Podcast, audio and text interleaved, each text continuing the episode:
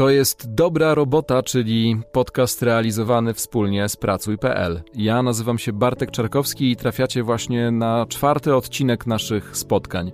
Przedstawiałem wam się kilka tygodni temu, mówiłem o tym, że za mną ponad 20 lat e, życia zawodowego, ale wtedy nie powiedziałem jednej istotnej rzeczy. Mimo siadania przy mikrofonie kilka razy w tygodniu od dobrych 20 lat, z małą przerwą, właściwie nie ma dnia i nie ma audycji, nie ma rozmowy, w której nie odczuwałbym e, chwilę przed, bo w samym momencie startu już to mija, ale nie odczuwałbym stresu. I to właśnie o stresie i o tym, jak pozytywnie go wykorzystać, i o tym, że jest e, nieodzownym elementem naszego życia. Yy, którego chyba nie jesteśmy w stanie wyeliminować, porozmawiam z moim i waszym dzisiejszym gościem, Mateusz Banaszkiewicz, naprzeciwko mnie. Cześć, witaj. Cześć. Dziękuję za przyjęcie zaproszenia. Mateusz y, jest psychologiem zdrowia specjalizującym się w radzeniu sobie właśnie ze stresem.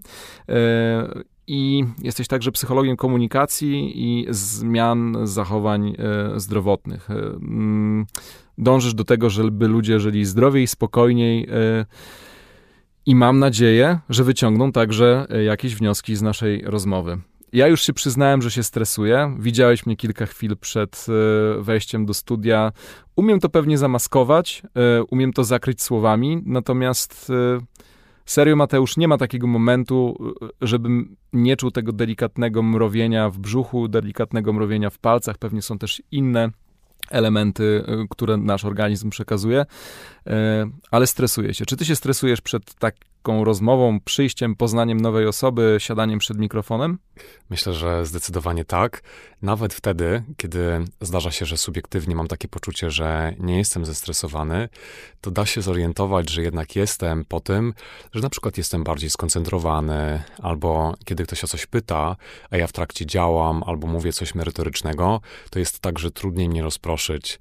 Więc bardzo często będzie tak, że człowiek orientuje się, że przeżywa pewne objawy stresu, ale może też być tak, że stresujemy się i tego nie zauważamy, bo mamy zadanie do wykonania. Czy możemy biologicznie e, na samym początku tego podcastu opisać trochę mechanizm, który stres uruchamia w naszym organizmie? Tak. W ciele dzieje się bardzo wiele rzeczy, ale taki bardzo podstawowy mechanizm, który warto jest znać, to jest aktywacja tak zwanej osi HPA. Przysadka, podzgórze, nadnercza. W naszym ciele ma miejsce kaskada reakcji, która prowadzi do tego, że po tym jak nasz mózg zarejestruje sytuację... Czyli czy, mózg napędza? Zdecydowanie tak. Postrzegamy pewną sytuację jako zagrażającą, czy będącą w jakiś sposób dla nas ważną. Nagle w ciele ma miejsce kaskada reakcji po to, żeby między innymi wyzwoliły się hormony stresu, takie jak adrenalina, noradrenalina, kortyzol. Wszystko po to, żeby nasze ciało dysponowało większą ilością energii, żebyśmy mogli zaangażować się w tą sytuację która nas czeka. Zazwyczaj y, adrenalina kojarzy się nam e, z no, doświadczeniem takim krytycznym, y, granicznym, ale przynosi coś e, dobrego. I y, no, stres jednak już semantycznie kojarzy się jednak z czymś złym. To jest takie słowo, które jak słyszysz, to i tak już się zaczniesz denerwować. Niestety tak. Ja też wkładam bardzo dużo wysiłku w to, żeby troszkę z tym pojęciem oswajać w taki sposób, żeby ludzie pamiętali, że stres nie jest równoznaczny z sygnałem o tym, że dzieje się coś złego, że nasze ciało jest nadmiernie obciążone, że sytuacja nas w jakiś sposób wypala. Dużo energii wkładam w to, żeby ludziom pokazywać, przypominać, że stres po prostu bardzo często jest barometrem tego, że w naszym życiu dzieje się coś ważnego.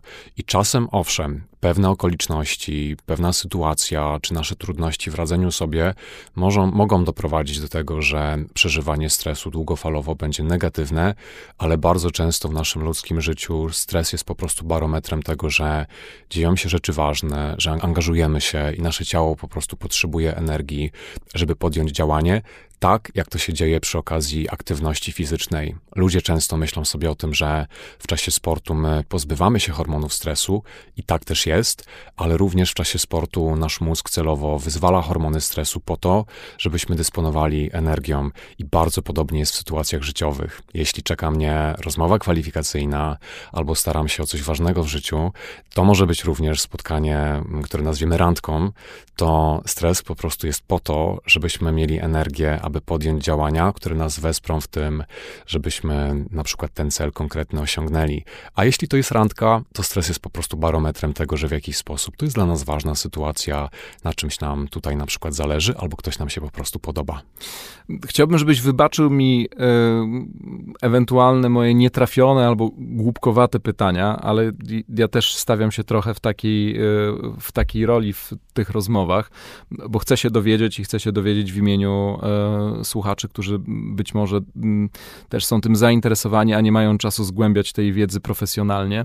E, co w takim razie dzieje się w, w momencie mm, wejścia w sytuację, która jeszcze chwilę temu nas stresowała, ale kiedy ona już się dzieje, to jest, wiesz, jak z egzaminem, tak? E, jak już siadasz i wybija godzina dziewiąta na maturze, to nawet jeśli obgryzłeś paznokcie do krwi, to o tej dziewiątej i tak już wiesz, że mm, nic nie poradzisz. To się już musi wydarzyć i ten stres odpuszcza.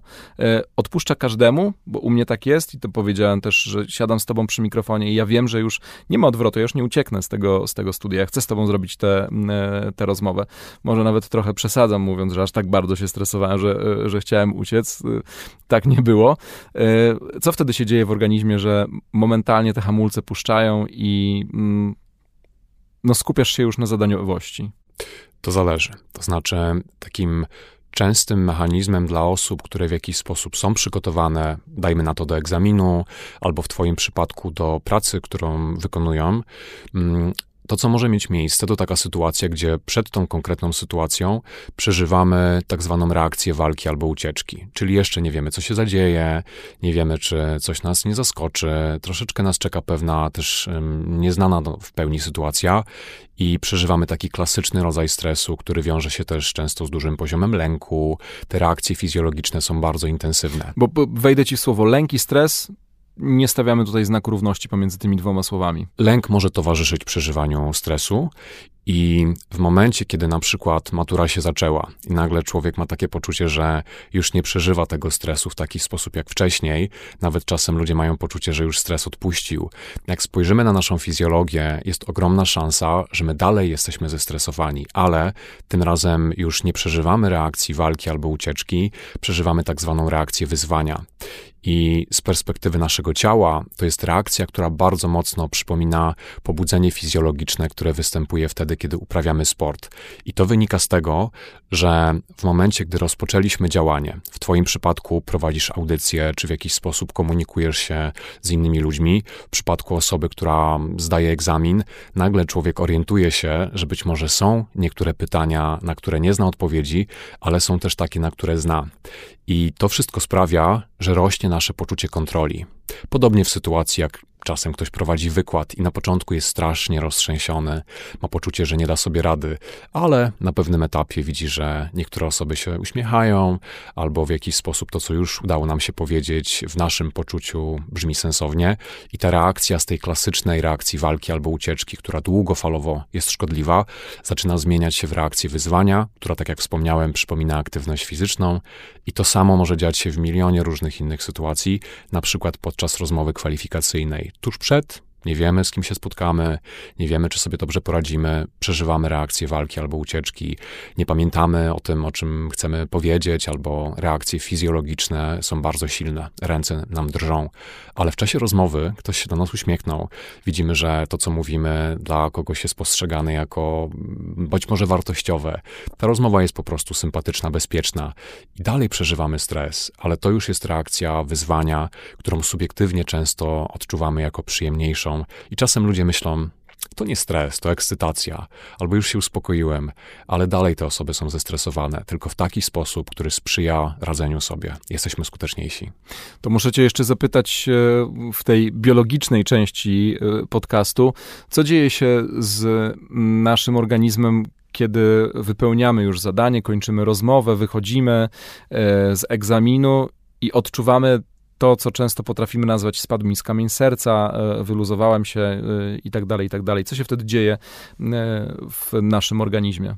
Jeśli mieliśmy to szczęście, że właśnie podczas zadania przeżywaliśmy reakcję wyzwania, tą zdrowszą, bezpieczniejszą, sprzyjającą radzeniu sobie, wtedy po ustaniu sytuacji stresującej nasze ciało znacznie szybciej, znacznie skuteczniej wraca do równowagi, a więc częstotliwość pracy serca spowalnia, optymalizuje się, napięcie mięśniowe też się reguluje, napięcie mięśni po prostu się zmniejsza, zaczynamy spokojniej oddychać, nagle jest tak, że subiektywnie po prostu czujemy się bardziej bezpieczni, czujemy się uspokojeni. Natomiast jeśli człowiek podczas tej sytuacji trudnej, stresującej przeżywał reakcję walki albo ucieczki, co z psychologicznego punktu widzenia oznacza, że w trakcie sytuacji stresującej człowiek ciągle miał poczucie, że nie radzi sobie, albo że za chwilę może wydarzyć się coś, co sprawi, że to będzie katastrofa. Wtedy nasze fizjologiczne reakcje sprawiają, że nawet jeśli już wyszliśmy z egzaminu, możemy znacznie dłużej to pobudzenie naszego ciała przeżywać. To wynika też z tego, jak działają w takiej sytuacji hormony, na przykład kortyzol utrzymuje się w naszym ciele znacznie dłużej i wtedy taka osoba, nawet jeśli jest już po egzaminie, czy po jakiejkolwiek innej trudnej sytuacji, być może ma takie poczucie, że to już za mną, już o tym spróbuję nie myśleć, czy to już nie jest tak obciążające, ale te reakcje fizjologiczne mogą sprawić, że długo, długo jeszcze to pobudzenie będzie miało w ciele miejsce i ciężko będzie zasnąć, trudno będzie e, w taki przyjemny sposób się zrelaksować i tak dalej. Przypominam sobie Mateusz trzecią albo czwartą klasę liceum E, bo jestem takim rocznikiem, że miałem cztery klasy w, w liceum i powiem ci, że gdybyś przychodził na biologię wtedy, kiedy um, uczniowie na tym poziomie edukacji zajmują się organizmem człowieka, to myślę, że miałbym dużo lepsze oceny. Zostawmy ten wątek e, organizmu człowieka e, i tego, jak się zachowuje w, w stresie, ale wydawało mi się, że to dość istotne, żeby sobie uświadomić te najprostsze mechanizmy, które e, budują całą, e, całą sytuację od środka, a teraz spójrzmy na to, jak my reagujemy w tym stresie na otaczającą nas rzeczywistość. W dobrej robocie ja lubię, czyli podcaście, którego jesteś e, gościem, lubię spojrzeć na badania, które e, przeprowadza Pracuj.pl i pewnie o tym wiesz, bo to mm, nic zaskakującego, że praca jest dziś bardziej stresująca niż 10 e, lat temu. W opinii e, Polaków rosnące tempo życia i napięcia zawodowego odbija się szczególnie w porównaniu do okresu właśnie sprzed, e, sprzed dekady. Ponad połowa respondentów badanych przez Pracuj.pl uważa, że obecnie praca jest bardziej stresująca niż jeszcze 10 lat temu. Tu krótko, zgadzasz się z tym? Wiesz, że tak jest e, na swoich webinarach, jak sądzę, spotykasz ludzi, którzy e, są żywym przykładem na to, że, e, że zmieniło się nasze życie przez, przez 10 lat i stresuje nas bardziej. Ja to potwierdzam, choć też być może moją odpowiedzią cię trochę zaskoczę, bo to, co obserwujemy z jednej strony, to to, że rzeczywiście tempo życia rośnie, też mm, stale rozwijająca się technologia sprawia, że jesteśmy mocno przestymulowani, rozpraszani, to ma swoje konsekwencje. I rzeczywiście subiektywnie mamy prawo mieć takie poczucie, że stresujemy się bardziej niż kiedyś ale jednocześnie to, co warto jest e, w takim podcaście, który teraz realizujemy, nazwać, to to, że w kontekście stresu występuje tak zwany paradoks stresu. To znaczy, to, co z perspektywy lat obserwowano w badaniach, to to, że kiedy ludzie stresują się swoją karierą, czy różnymi innymi, różnego innego typu aspektami swojego życia, zauważono, że temu towarzyszą trudne, obciążające emocje, różne trudności w życiu. I to zaobserwowaliśmy i pewnie słuchacze, słuchaczki mają to też w doświadczeniu. Ale jednocześnie zaobserwowano, że bardzo często wtedy, kiedy człowiek jest pytany o to, co go w życiu stresuje, i jednocześnie przygląda się temu, mm, co w naszym życiu jest dla nas źródłem sensu i poczucia rozwoju, to okazuje się, że bardzo często to są te same rzeczy. Co mam na myśli? Podam przykład badania. W jednym z badań dużą grupę reprezentatywną pytano o to, co w życiu jest bardzo silnym dla nich stresorem, i okazało się, że posiadanie w domu nastolatka. I Stresor to czynnik stresu, tak? Dokładnie, czyli bodziec, który sprawia, że my w rezultacie się stresujemy. I klasycznie byśmy pomyśleli, aha, czyli bycie rodzicem, zwłaszcza nastolatka, jest bardzo stresujące. Ale w tych badaniach przyglądano się precyzyjnym zależnościom i okazało się, że owszem, ten nastolatek w domu był źródłem stresu, napięcia, dyskomfortu często, ale jednocześnie był źródłem bliskości, sensu, przywiązania, miłości. Ten stresor stresował, ale dawał w zamian znacznie, znacznie więcej. I to też współcześnie obserwujemy między innymi w Polsce, że owszem, presja życia jest większa, wyzwania, przed którymi stoimy, są większe, ale bardzo często dla bardzo wielu ludzi to, że stresujemy się, jest po prostu wynikiem tego, że mamy ambitne cele, że rozwijamy się, że radzimy sobie z trudnościami, że podejmujemy działania, które sprawiają, że potem z czasem długofalowo jesteśmy często silniejsi, bogatsi w doświadczenie. I jak spojrzymy na życie ludzi tu i teraz, to różnym stresującym okolicznościom, na przykład pracy, rzeczywiście towarzyszy napięcie, towarzyszą trudne emocje, ale jak spojrzymy na nasze życie długofalowo, to dla wielu naszych słuchaczy, słuchaczy, może się okazać, że to, co stresuje Was tu i teraz, dzisiaj, długofalowo, będzie dla Was źródłem możliwości, umiejętności, rozwoju. I o tej podwójnej naturze stresu po prostu warto jest pamiętać, bo czasem stres jest sygnałem, napraw coś, wycofaj się z sytuacji, żeby go nie było, bo stres może sygnalizować, coś jest nie tak, zrób coś, żeby go nie było ale bardzo często jest sygnałem, robisz rzeczy ważne, jest ważna stawka, o którą w tej chwili walczysz. Na przykład starasz się o nową pracę, na przykład próbujesz nowej umiejętności, występować publicznie, albo robisz cokolwiek innego, co jest dla ciebie ważne. Jak to nazwałeś? Paradoks stresu, tak? Tak. Myślę, że to jedna z istotnych e, prawd, które wyniesiemy z e, dzisiejszej e, dobrej, e, dobrej roboty. I to jest też tak, że ten moment, e, w którym zastanowimy się, jak sobie e, ten stres wykorzystać jako motyw zmiany na lepsze, cytując hip-hopowego klasyka, nie bój się zmiany na lepsze, nawet jeśli się stresujesz. To jeszcze raz do tych badań, dobra? E, bo wydają mi się dość ciekawe i one też e, mm, pomogą nam tutaj rozważać e, kolejne Twoje słowa.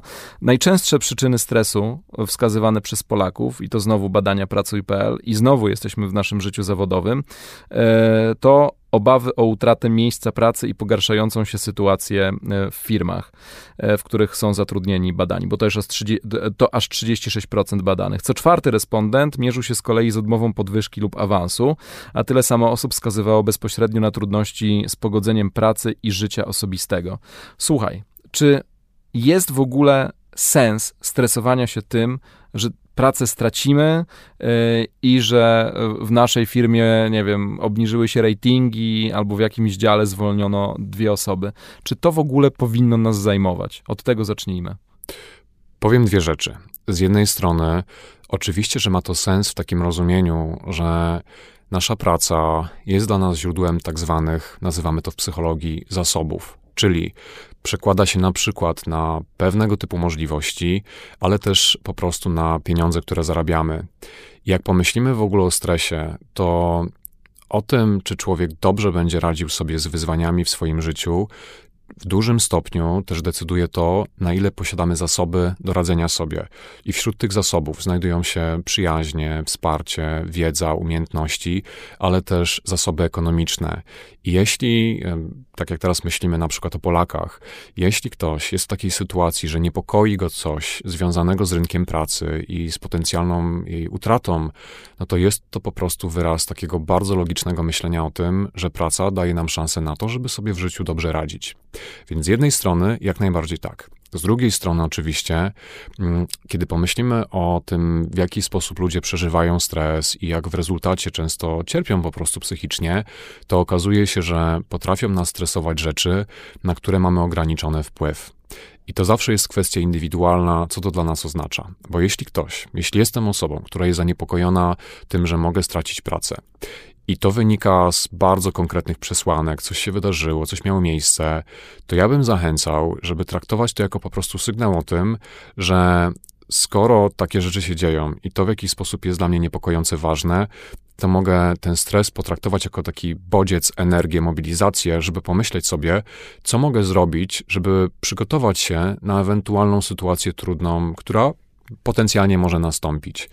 Ale jeśli jest tak, że martwienie jest u mnie takim nasilonym mechanizmem, obniża jakość mojego życia, sprawia, że trudno jest mi na tej mojej pracy się skupić, na przyjaźniach, relacjach. Co więcej, wprowadza w cykl, y, który może spowodować, że de facto stracę tę pracę, y, bo z powodu stresu i zajmowania się tym, o rany, idzie koniec miesiąca, czy tym razem przyjdą po mnie, spowoduje, że no, siłą rzeczy znajdę się na tej może nie autostradzie, ale drodze ku rozmowy ze swoim przełożonym. Dokładnie. Wtedy to powinien mieć dla nas taki sygnał, że warto jest po prostu popracować z naszym sposobem myślenia. To I na przykład je zmienić, co oznacza, że możemy to zrobić poprzez wsparcie profesjonalne jeśli nasz sposób myślenia w tym przypadku prowadzi do martwienia się czy zamartwiania, jak najbardziej psychoterapia jest bardzo dobrą profesjonalną formą wspierania ludzi w tym, żeby inaczej myśleli o życiu, o sytuacjach i żeby tego stresu kiedy nie jest nam potrzebny, czy nie jest przystosowawczy, wspierający, żeby tego stresu nie było, ale też możemy popracować tym mechanizmem tak na własnymi siłami, co oznacza w praktyce, że jeśli zorientuję się, że ja się zamartwiam i to jest rzecz, na którą mam ograniczony wpływ, to mogę świadomie ukierunkować uwagę na rzeczy, na które wpływ mam. Czyli na przykład właśnie wkładać energię w to, żeby angażować się w relacje ze współpracownikami, żeby być wsparciem dla siebie, dla innych, dobrze wykonywać swoją pracę albo mm, zwiększać swoje kompetencje i w ten sposób gromadzić, tak jak wspomniałem, tak zwane zasoby, które no, dają nam szansę na to, żeby to poczucie bezpieczeństwa swoje zwiększyć. Zasoby to jest słowo klucz. Im mamy ich więcej, tym większa szansa na to, że jeśli coś trudnego się wydarzy, to będzie nam łatwiej radzić sobie z tą sytuacją obciążającą.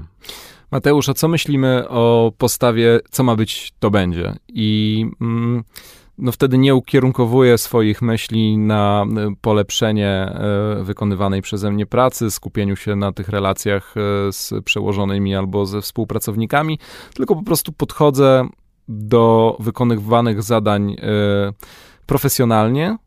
Słyszę jakieś informacje, że może nadchodzą zwolnienia, ale generalnie wiem, że właśnie nie mam na to wpływu, że mm, no, nie jest istotne, czy pracuję świetnie, y, czy zawalam swoją robotę, albo ją pozoruję i przeskakuję z miesiąca na miesiąc, odbierając y, kwit z pensją, no ale po prostu wiem, że nie mam na to wpływu. To jest postawa fajna, czy to jest postawa, z którą również należałoby walczyć? Z mojej perspektywy jedno nie wyklucza drugiego. To znaczy, jeśli jest tak, że mam takie poczucie, że coś się dzieje na rynku, albo coś się dzieje w firmie i to dla mnie jest źródłem stresu, ale podejmuję decyzję, że energię będę wkładał w to, żeby wykonywać moją pracę, pracę w odpowiedni sposób, kropka, to to jest pewna profesjonalna postawa, bo wywiązuje się z moich zadań i mogę pozostałą część energii wkładać w inne aspekty mojego życia i to jest w porządku. Problem będzie wtedy, jeśli mm, nabiorę takiego poczucia, że to, co mnie niepokoi, te docierające sygnały wskazują na to, że i tak dojdzie do katastrofy i w tej sytuacji warto w ogóle się nie angażować, warto w ogóle sobie odpuścić, dlatego że jak spojrzymy na psychologię człowieka, to wiemy, że angażowanie się w zadania, które wykonujemy, jest po prostu wpisane w dostarczanie nam satysfakcji. Osoby niezaangażowane długofalowo, czy to w życiu zawodowym, czy w relacjach prywatnych, po prostu ponoszą negatywne konsekwencje, bo angażowanie się w rzeczy, które nam towarzyszą na co dzień, jest po prostu źródłem satysfakcji. Mm, powiedziałem, że 36% e, badanych stresuje się e, utratą miejsca pracy i pogarszającą się sytuacją, 25% e, odmową mm, podwyżki lub awansu, ale jeszcze chciałbym zapytać o jedną grupę, bo ona się trochę wyklucza z tym, co mówiłeś, że 25%, czyli 1 czwarta badanych przez Pracuj.pl wskazuje jako główne źródło stresu w życiu zawodowym niemożliwość pogodzenia e, pracy z życiem osobistym, czyli złapanie tego e, balansu. Co z nimi począć? Jak im pomóc? Mhm. To jest w ogóle bardzo ważny obszar, dlatego że jak popatrzymy na funkcjonowanie naszego mózgu i w związku z tym też um, relacji z rolami, które pełnimy w życiu, to okazuje się, że mamy co najmniej takie trzy bardzo ważne systemy. Jeden z systemów to jest system, który nas wspiera w tym, żebyśmy reagowali na sytuacje ważne i na przykład przeżywali stres, czyli to wszystko, co już sobie do tej pory nazwaliśmy. Drugi system to jest system, który sprawia, że dążymy do różnych rzeczy, do realizacji celów, sprawienia sobie przyjemności i tak dalej. Mm, a trzeci trzeci system to jest system związany z regulacją taką poprzez relacje z innymi, poprzez łagodzenie pobudzenia i tak dalej. Mm, takie, możemy powiedzieć w uproszczeniu, trzy ważne motywy działania. I mówię o tym dlatego, bo ten system drugi, mm, system dążenia, mocno wiąże się z realizacją naszych zadań zawodowych. I dla zdrowej psychicznie osoby w naszym życiu i fizycznie zresztą też, w naszym życiu powinno być miejsce na wszystko. Zarówno na to, żeby przeżywać czasem trudne emocje, czasem sytuacje stresujące. Powinno być też miejsce na to, żeby dążyć do różnych także ambitnych celów, ale powinno też być miejsce na relacje. I jeśli w naszym życiu, na przykład ze względu na sytuację zawodową, czy na naszą karierę, czy stanowisko, jest duża dysproporcja i my na przykład tylko albo głównie się stresujemy, albo tylko dążymy do ambitnych celów i na tym cierpią relacje z innymi, no to to wprowadza taki rodzaj nierównowagi, który może sprawiać, że potem długofalowo ponosimy konsekwencje, czy to w zakresie zdrowia psychicznego, czy pojawiają się pewne dolegliwości fizyczne i po diagnostyce okazuje się, że one prawdopodobnie są na tle psychicznym. Więc powiem, to jest bardzo indywidualne, ale ważne jest to, żebyśmy w naszej karierze, w naszym życiu mm, dążyli po prostu do tego, żeby czerpać satysfakcję z różnych ról. I jeśli ta rola, którą pełnimy zawodowo, nadmiernie nas angażuje, nadmiernie to znaczy, że sprawia, że trudno jest nam realizować swoje potrzeby wynikające z ról w życiu prywatnym, no to po prostu pierwszym krokiem będzie zastanowić się, co możemy na tym etapie zrobić, na co mamy wpływ.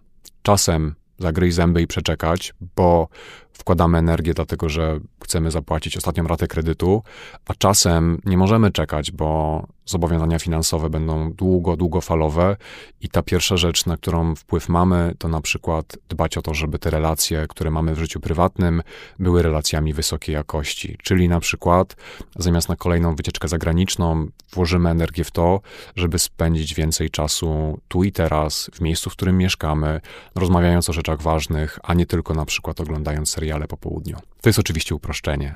I to jest oczywiście też bardzo trudne w XXI wieku. Słuchaj, a um, czy stres potrafi doprowadzić nas do sytuacji skrajnej?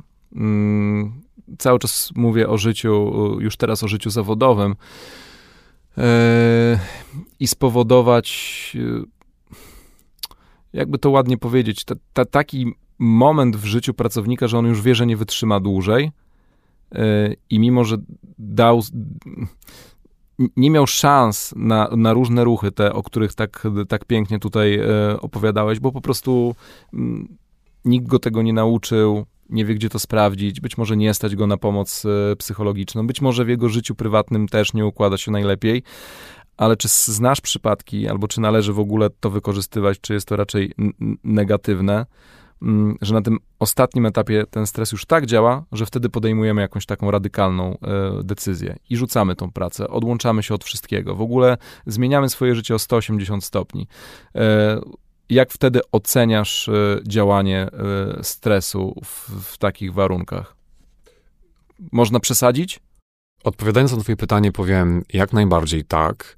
I czasem to, aby podjąć pierwszy krok, czy podjąć działanie, nawet radykalne, ale dla niektórych osób. Mm, Taki spóźniony pierwszy krok. Dokładnie. To, żeby to się zadziało, dla niektórych osób jest możliwe dopiero wtedy, kiedy cierpienie psychiczne, czasem też fizyczne, jest tak bardzo intensywne, że same te trudne wewnętrzne doświadczenia są tak bolesne, że radykalny krok jak rzucenie pracy, czy zrobienie czegokolwiek innego radykalnego, trudnego, już tak bardzo nie boli, bo człowiek i tak już jest w bólu. I dla niektórych osób to oczekiwanie, żeby podjąć się takiego kroku, mm, no, ma miejsce dopiero wtedy, kiedy rzeczywiście już jesteśmy tak strasznie zestresowani, ponosimy tak dużo kosztów, że wreszcie to robimy. A spotykałeś e, ludzi doprowadzonych do takiej ostateczności na swojej zawodowej drodze? Regularnie i zdarzały się sytuacje, kiedy ktoś mówił, było już ze mną tak strasznie źle, że po prostu nie byłem w stanie pracować, nie byłem w stanie wykonywać moich obowiązków, czy kontaktować się z innymi ludźmi. I jak popatrzymy też na nasz polski rynek, to dla wielu pracowników takim krokiem, który gdzieś obrazuje to, o czym ty mówiłeś, jest taka próba ratowania się w ten sposób, że na przykład próbują sobie zorganizować zwolnienie i no już podjęli decyzję, czy planują rozstać się z pracodawcą, ale robią to w ten sposób, że jeszcze próbują jakoś się zabezpieczyć i przedłużają ten czas, kiedy będą w jakiś sposób chronieni um, i no, mają nadzieję, że zyskają po prostu siły.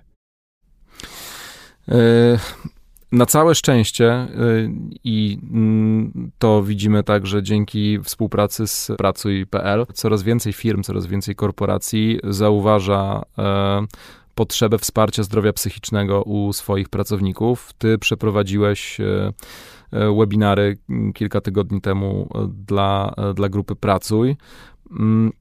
Opowiedz krótko, jak to wygląda, na czym polega, polega takie, e, takie wsparcie dla, dla pracowników. Rozumiem, że to trochę także wynikało z czasu, w którym żyjemy, czyli pandemii.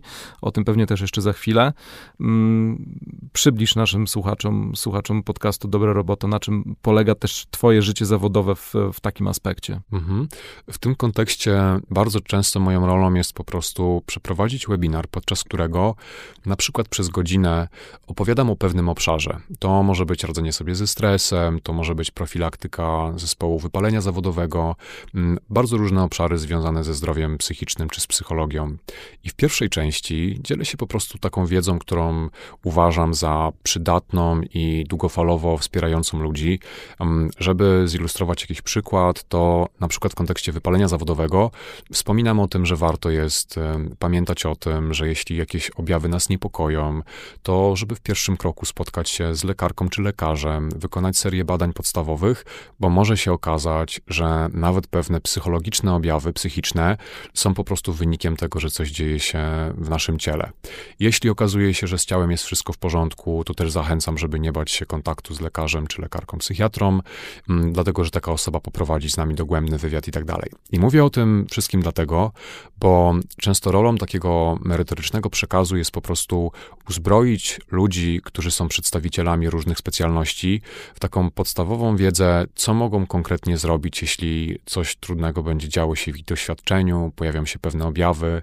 Więc w trakcie webinaru dzielę się z jednej strony wiedzą, wskazówkami, aktualnym stanem wiedzy, ale też robimy pewne autorefleksyjne, na przykład ćwiczenia, które mają szansę mm, poprzez wykorzystanie tego czasu, którego zwykle ludzie nie mają na takie refleksje, na chwilę się zatrzymać, pomyśleć sobie, w jakim są momencie, jeśli chodzi na przykład to relacje z innymi, komunikację, co to dla nich oznacza. I potem po części merytorycznej reaguje na różne pytania, na komentarze, refleksje. Więc z jednej strony takie webinary dotyczące zdrowia psychicznego służą po prostu przekazowi wiedzy, która mam nadzieję długofalowo będzie różne osoby chroniła, bo będą na przykład wiedziały, gdzie sięgnąć po wsparcie, czy jak reagować na emocje innych ludzi, swoich współpracowników, czy często też bliskich. Mm, ale z drugiej strony to jest też okazja do tego, żeby po prostu poczuć, że jednak jesteśmy grupą, że mamy szansę się usłyszeć, zobaczyć. Ja też dużo energii wkładam w to, żeby pewne reakcje, mówimy takim psychologicznym żargonem, normalizować. Czyli na przykład przykład powtarzam, coś co w tym podcaście chcę, żeby wybrzmiało, że doświadczanie stresu nie jest sygnałem o tym, że jesteśmy nadwrażliwi, ponosimy porażkę, jest sygnałem tego, że jesteśmy po prostu ludźmi. I takie głosy często um, potrzebują ludzie usłyszeć po to, żeby sobie wybaczyć, że nie są idealni i doświadczają trudności, na przykład w czasie pandemii. To jest niesamowite, jak zbudowany jest ludzki organizm, że my potrafimy zarzucać sobie, że się stresujemy, prawda? Że nie jesteśmy tymi guyami yy, czy super dziewczynami, które podchodzą do wszystkiego yy, na twardo i dlaczego ja się stresuję. No, masz, prawo się, masz prawo się stresować, ale fantastyczne, że, mm, że pracodawcy to, to, to zauważają. Ruszyliśmy delikatnie temat COVID-u. On na pewno zmienił te zachowania e, zawodowe w, w ciągu ostatniego półtora roku. Mm, o tym też rozmawiamy w, w dobrej robocie.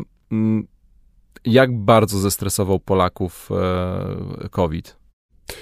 Żeby podać przykład badań, to jedne, które chodzą mi w tej chwili po głowie, to badania realizowane przez zespół z Uniwersytetu SWPS i one na przykład wskazały, że rzeczywiście subiektywnie Polacy w dużym stopniu deklarowali wysoki poziom napięcia związanego z doświadczaniem pandemii, wysoki poziom lęku, więc w takim pewnym uproszczeniu mogę powiedzieć, generalnie COVID Polaków zestresował.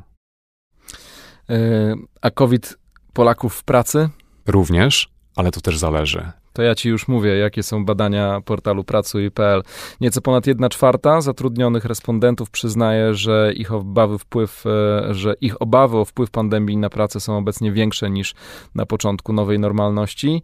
E, I to mniejsza grupa niż ta, która, e, której obawy w tym czasie zmalały, bo deklarował to co trzeci z badanych. Największa grupa deklaruje natomiast, że poczucie niepewności utrzymuje się na stałym poziomie. Przypuszczam, że to jeszcze potrwa, prawda? Gdybym miał postawić pewną hipotezę, to powiedziałbym właśnie w związku z tym, że pandemia pokazała nam, że nie jesteśmy w pełni w stanie przewidzieć tego, co będzie dalej. Nawet ten moment, w którym my teraz jesteśmy, czyli trochę się przyglądamy temu, czy sytuacja się pogorszy, czy obostrzenia zostaną jeszcze bardziej rozluźnione, czy może pojawią się kolejne, czy będzie kolejna fala.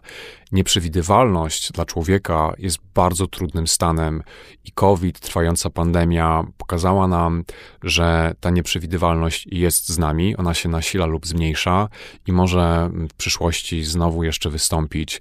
I prawdopodobnie to właśnie w kontekście rynku pracy czy różnych innych zmiennych przekłada się na to, że bardzo wielu ludzi teraz już po długo trwającej pandemii wcale nie czuje się bezpieczniej. Ale możemy też te badania, żeby zostawić taki optymistyczny wątek, e, przyjmować e, z nieco większym uśmiechem na twarzy, bo e, ten stosunek osób wyrażających niepewność znacząco zmalał w stosunku do marca i do września poprzedniego roku, więc chyba też trochę widać te nadzieje, prawda? I trochę widać te, takie podejście do, do pracy, do współpracy, do spotkań, może jeszcze nieporównywalne z czasem przed pandemią, ale chyba też trochę się do tego przyzwyczailiśmy. Tak, i tutaj mm, dwa aspekty z mojej perspektywy są bardzo ważne. To znaczy, z jednej strony bardzo wielu pracowników, bardzo wiele osób zorientowało się, że jakoś tam udało nam się przystosować do tej sytuacji i nawet praca zdalna dla wielu ludzi, która była bardzo uciążliwa na początku, okazało się, że ma wiele plusów i człowiek przystosował swój tryb życia i nawet często odkrył to, że pojawiły się pewne korzyści, ale z drugiej strony to, co ty opisałeś jako taki mm, pozytywny gdzieś objaw, to to, że wielu ludzi włożyło bardzo ciężką pracę w to, aby na przykład się przebranżowić, podjąć takich trudnych decyzji związanych z niepokojem. I ja na przykład regularnie spotykałem się z osobami, które kiedyś pracowały w branży gastronomicznej i podjęły trudne decyzje, aby wykonywać teraz inną pracę. I te z nich, które po takim dużym wysiłku są na takim etapie, że radzą sobie zawodowo, to to też będą osoby, które z większym optymizmem mogą patrzeć w przyszłość, bo nagle okazało się, że na przykład wzrosła ich tolerancja mm, dyskomfortu, niepewności, mają wyższe poczucie własnej skuteczności, czyli mm, pandemia. Wykorzystali to pozytywnie. Wykorzystali pozytywnie, choć jednocześnie chcę oczywiście powiedzieć, że są osoby, które ponosiły głównie straty i warto jest o tym pamiętać, że nie zawsze to, co trudne, prowadzi do, tylko do wzrostu, ale potrafi. A myślisz, że jako społeczeństwo, chociaż sobie trochę tego nie uświadamiając, e, czekamy na takie radykalne sytuacje, jak chociażby e, pandemia 2020-2021, że one są czasami nam potrzebne, e, żeby zmienić nasze myślenie o sobie, o życiu prywatnym, o życiu zawodowym, o podejmowanych decyzjach, o tym, co jest dla nas naprawdę ważne. Mimo, że pewnie większość z nas na samym końcu chce wrócić do tego, co było przed, e, no to jednak jest jakaś grupa, dla której staje się to motorem takiej bardzo pozytywnej zmiany, mimo że stresującej na samym początku. Człowiek potrafi jedno i drugie, to znaczy, z jednej strony jest tak, że lubimy mieć poczucie bezpieczeństwa, pewnej przewidywalności, po to też gromadzimy te wspomniane przeze mnie wcześniej zasoby, ale z drugiej strony, jako ludzie, mamy taką zdolność do tego, żeby trudne, czasem krytyczne wydarzenia życiowe mm, sprawiały, że na nowo oceniamy swoje priorytety, przyglądamy się temu, co w rzeczywistości jest teraz dla nas szczególnie ważne. Więc chcę powiedzieć, mamy tą właściwość. Nie każdy w sytuacji pandemii tego doświadczy, ale jako społeczeństwo jesteśmy też bardzo różnorodni, więc dzieje się jedno i drugie. Z jednej strony chcemy tego bezpieczeństwa, przewidywalności, z drugiej strony to, co trudne, potrafi sprawiać, że nagle mamy taki motor do działania, mamy energię do działania i pod tym względem to jest bardzo zróżnicowane. Czy my jesteśmy w stanie, chociaż przypuszczam, że nie powinniśmy, wyeliminować stres ze swojego życia całkowicie? Pewien badacz, już nieżyjący, powiedział kiedyś: brak stresu oznacza śmierć. I ja się pod tym podpisuję, ale nawet ten przekaz jeszcze wzmocnię w ten sposób. Wspomniałem chwilę wcześniej o tym, że jako przykładowe badanie, które pokazało nam ten paradoks stresu, czyli to, że często rzeczy dla nas ważne przynoszą jednocześnie wzrost, siłę, rozwój, są sygnałem o tym, że robimy rzeczy ważne. I o tym jest po prostu wa warto pamiętać, że no tak, nie jesteśmy w stanie w pełni stresu z życia wyeliminować, bo nie mamy pełnej kontroli wobec tego, co się w naszym życiu zadzieje w przyszłości, ale z drugiej strony bardzo ważne jest to, żeby mieć tą zdolność, aby rozróżniać, kiedy stres jest sygnałem zmień, zmień coś, popracuj nad relacją, nad swoją sytuacją w pracy, nad tym, jak komunikujesz się z innymi, a kiedy stres jest sygnałem, dążysz do czegoś ważnego, zależy ci na tym, robisz coś, co jest obciążające, ale daje ci szansę w zamian dać znacznie, znacznie więcej. Chciałbym na zakończenie przejść e, do takich prostych elementów, które e, z naszej rozmowy słuchacze mogą wyciągnąć i zacząć je e, stosować w swoim życiu. Ja cię przedstawiłem, Mateusz, jako psychologa zdrowia. I zmieniasz też, starasz się zmieniać zachowania zdrowotne ludzi na ile sport albo odpowiednia dieta, e, nie wiem, chodzenie wcześnie e, spać, wyłączanie telefonu. rzucam tak na rybkę trochę, ale na ile to pomaga w ograniczeniu stresu i uspokojeniu naszego organizmu z dnia na dzień, mm, a może z miesiąca na miesiąc, a może są szybsze, może są wolniejsze e, pomysły, które nam przedstawisz. Warto jest o tym myśleć w ten sposób, gdzie Nasze ciało realizuje wiele procesów, jednym z nich jest doświadczanie stresu. I wszystko, co zrobimy ku temu, żeby nasze ciało pracowało w optymalny sposób. Absolutnym filarem jest troska o jakość snu. Jeśli dbamy o sen, to w praktyce oznacza, że po takiej przespanej nocy, kiedy sen był dobrej jakości, my będziemy lepiej radzili sobie z obciążającymi sytuacjami, bo znajdziemy w sobie więcej cierpliwości, trudniej nas będzie wytrącić z równowagi, będziemy reagowali skuteczniej. Nie tylko dlatego, bo psychologicznie jesteśmy bardziej przygotowani do radzenia sobie, ale dlatego, bo po prostu ta zaawansowana aparatura, którą jest po prostu nasze ciało, biologiczna aparatura, funkcjonuje bardziej optymalnie. Więc sen bardzo ważny czynnik. Czy my sami jesteśmy w stanie określić, ile tego snu potrzebujemy, czy trzymamy się jednak ustawowych 8 godzin, które człowiek powinien przesypiać dziennie? Aktualne amerykańskie zalecenia to jest przedział pomiędzy średnio, pomiędzy 7 a 8 godzin. Mm, długofalowo też często mówiono o tym, że to jest mniej więcej 8 średnio, ale też bardzo ważne są różnice indywidualne i ja bym do osób, które nas Ile słuchają... Ile sypiasz dziennie? Staram się sypiać 7,5 godziny. Aktualnie to jest przedział 6,5-7 ze względu na moment. Budzisz się sam, czy, czy, czy budzi cię e, budzik? Mam specjalny budzik, który monitoruje fazy snu i stara się mnie wybudzić w fazie płytkiej, tak żeby ta pobudka była łagodniejsza. Sprytne, czyli używasz tutaj aplikacji e, albo tam smartfona i tak dalej, tak? Smartfona, który ma specjalną aplikację, która jest jedną z takich, która była weryfikowana empirycznie, to znaczy przez naukę. Co jeszcze oprócz y, snu? Wymieniłeś sport i rzeczywiście to, czego mm, często nie wiemy, to to, że człowiek uprawiający sport regularnie, i mam tu na myśli umiarkowaną aktywność fizyczną, czyli taką, która sprawia, że trochę się zmęczymy, a więc twoje tętno byłoby na przykład trochę podniesione wobec tego, jakie masz w tej chwili.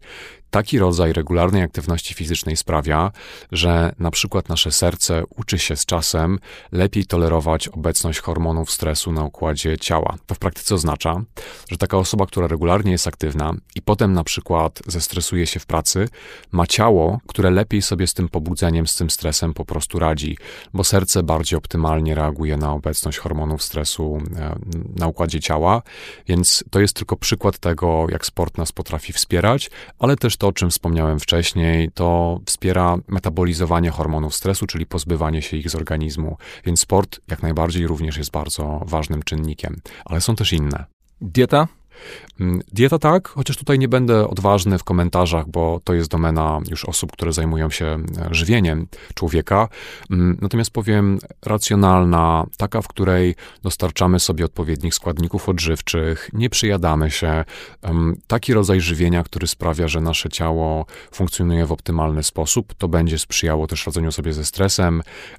No, można byłoby też oczywiście wspomnieć takie składniki, które działają dobrze na mózg, na przykład magnez, ale to już jest domena innych specjalistów, specjalistek. To co jeszcze? Mm, taka rzecz, która powinna wybrzmieć, kiedy wypowiada się psycholog, to na przykład techniki relaksacji. Mamy taką całą grupę różnych technik i osoby, które nas słuchają, możecie na chwilkę sobie zatrzymać e, to nagranie i na przykład zapisać trening Jakobsona. To jest taki trening, w którym napinamy i rozluźniamy mięśnie, albo trening autogenny. To jest taki, gdzie prowadzi nas lektor albo lektorka i wyobrażamy sobie rozluźnienie poszczególnych części ciała, potem ich ciężkość, ewentualnie ciepło i ponownie rozluźnienie. I różne inne metody, praca z oddechem, techniki wizualizacji, uważność jako taka bardziej praktyka medytacyjna, gdzie celem nie jest relaks, ale raczej skutkiem ubocznym. To wszystko są takie zasoby, z których również możemy skorzystać po to, żeby doraźnie po ciężkim dniu albo w trakcie poczuć się lepiej, ale też jeśli stosujemy je długofalowo, po prostu wpływamy na to, że układ nerwowy, czyli nasze ciało, nasz mózg lepiej radzi sobie z sytuacjami trudnymi, trudniej będzie nas wytrącić z równowagi, a jeśli to się stanie, to szybciej do równowagi wrócimy, lepiej sobie po prostu radzimy. To chciałbym, żeby to zostało wyraźnie powiedziane. To są metody, których możemy używać w czasie rzeczywistym, czyli e, w momencie nadejścia sytuacji kryzysowej, stresującej, czy raczej e, opanowujemy to na spokojnie, uczymy się tego, uspokajamy nasz organizm i potem on zupełnie inaczej reaguje w momencie stresu. Możliwe jest jedno i drugie, chociaż ja generalnie rekomendowałbym traktowanie technik relaksacji jako pewnego treningu, który właśnie sprawi, że długofalowo będziemy bardziej odporni, będziemy skutecznie się wspierali, dlatego że cała grupa badań ostatnich mniej więcej 15 lat wskazała nam na to, że dla bardzo wielu ludzi w sytuacjach na przykład zawodowych, stresujących i wielu innych, skuteczniejsze niż wykorzystywanie technik relaksacji tuż przed stresującą sytuacją, tak jak wspomniałeś, egzamin czy wystąpienie publiczne, skuteczniejsze będzie nie tyle sięganie po techniki relaksacji, co zmiana sposobu myślenia. Ja już to lekko zasugerowałem na początku, a mianowicie, tak jak ty to nazwałeś, że to jest niesamowite, że ludzie potrafią się stresować stresem, Grupa badań pokazała nam, że dużym wsparciem jest w sytuacji stresowej pomyślenie sobie, że objawy stresu, to co w tym momencie przeżywamy, bijące serce, napięcie mięśni, nawet pocenie się, jest po prostu sygnałem o tym, że nasz mózg wyzwala energię, żeby pomóc nam się zaangażować w sytuację. I ta zmiana sposobu myślenia sprawia, że nawet jeśli ludzie się nie zrelaksują, to skutecznie radzą sobie w tej stresującej sytuacji, bo stres przeżywają zdrowiej, tak jak sportowcy. Mateusz, wiesz co ja myślę? Że w ciągu tych kilkudziesięciu minut słuchania podcastu Dobra Robota z Pracy.pl bardzo wiele osób po prostu zrelaksowało się słuchając ciebie, e, a po drugie mam nadzieję, że zapisaliście sobie chociażby te ostatnie e, tipy, podpowiedzi e, Mateusza i zaczniecie je wykorzystywać, a najważniejsze to nie stresować się samym stresem. To po prostu niech wybrzmi na, na koniec naszego spotkania. Mateusz Banaszkiewicz był gościem czwartego odcinka Dobrej Roboty. Bardzo ci dziękuję. Bardzo dziękuję. Polecamy Twoje webinary i żyjcie zdrowo, Stresujcie się jak najmniej, chociaż obaj sobie zdajemy sprawę, e, że łatwo to powiedzieć, a trochę trudniej wcielić e, w życie. Stresujcie się zdrowo i pamiętajcie, że stres jest sygnałem o tym, że dzieją się rzeczy ważne. To będzie pomocne. Wszystkiego dobrego, Mateusz, e, i no ciekaw jestem, ile osób sobie nagra ten podcast, zapisze, żeby posłuchać Twojego odstresowującego głosu. Wszystkiego dobrego. To była dobra robota. Słyszymy się za tydzień w piątym odcinku. Zajmiemy się bezpieczeństwem cyfrowym. Bartek Czarkowski, do usłyszenia.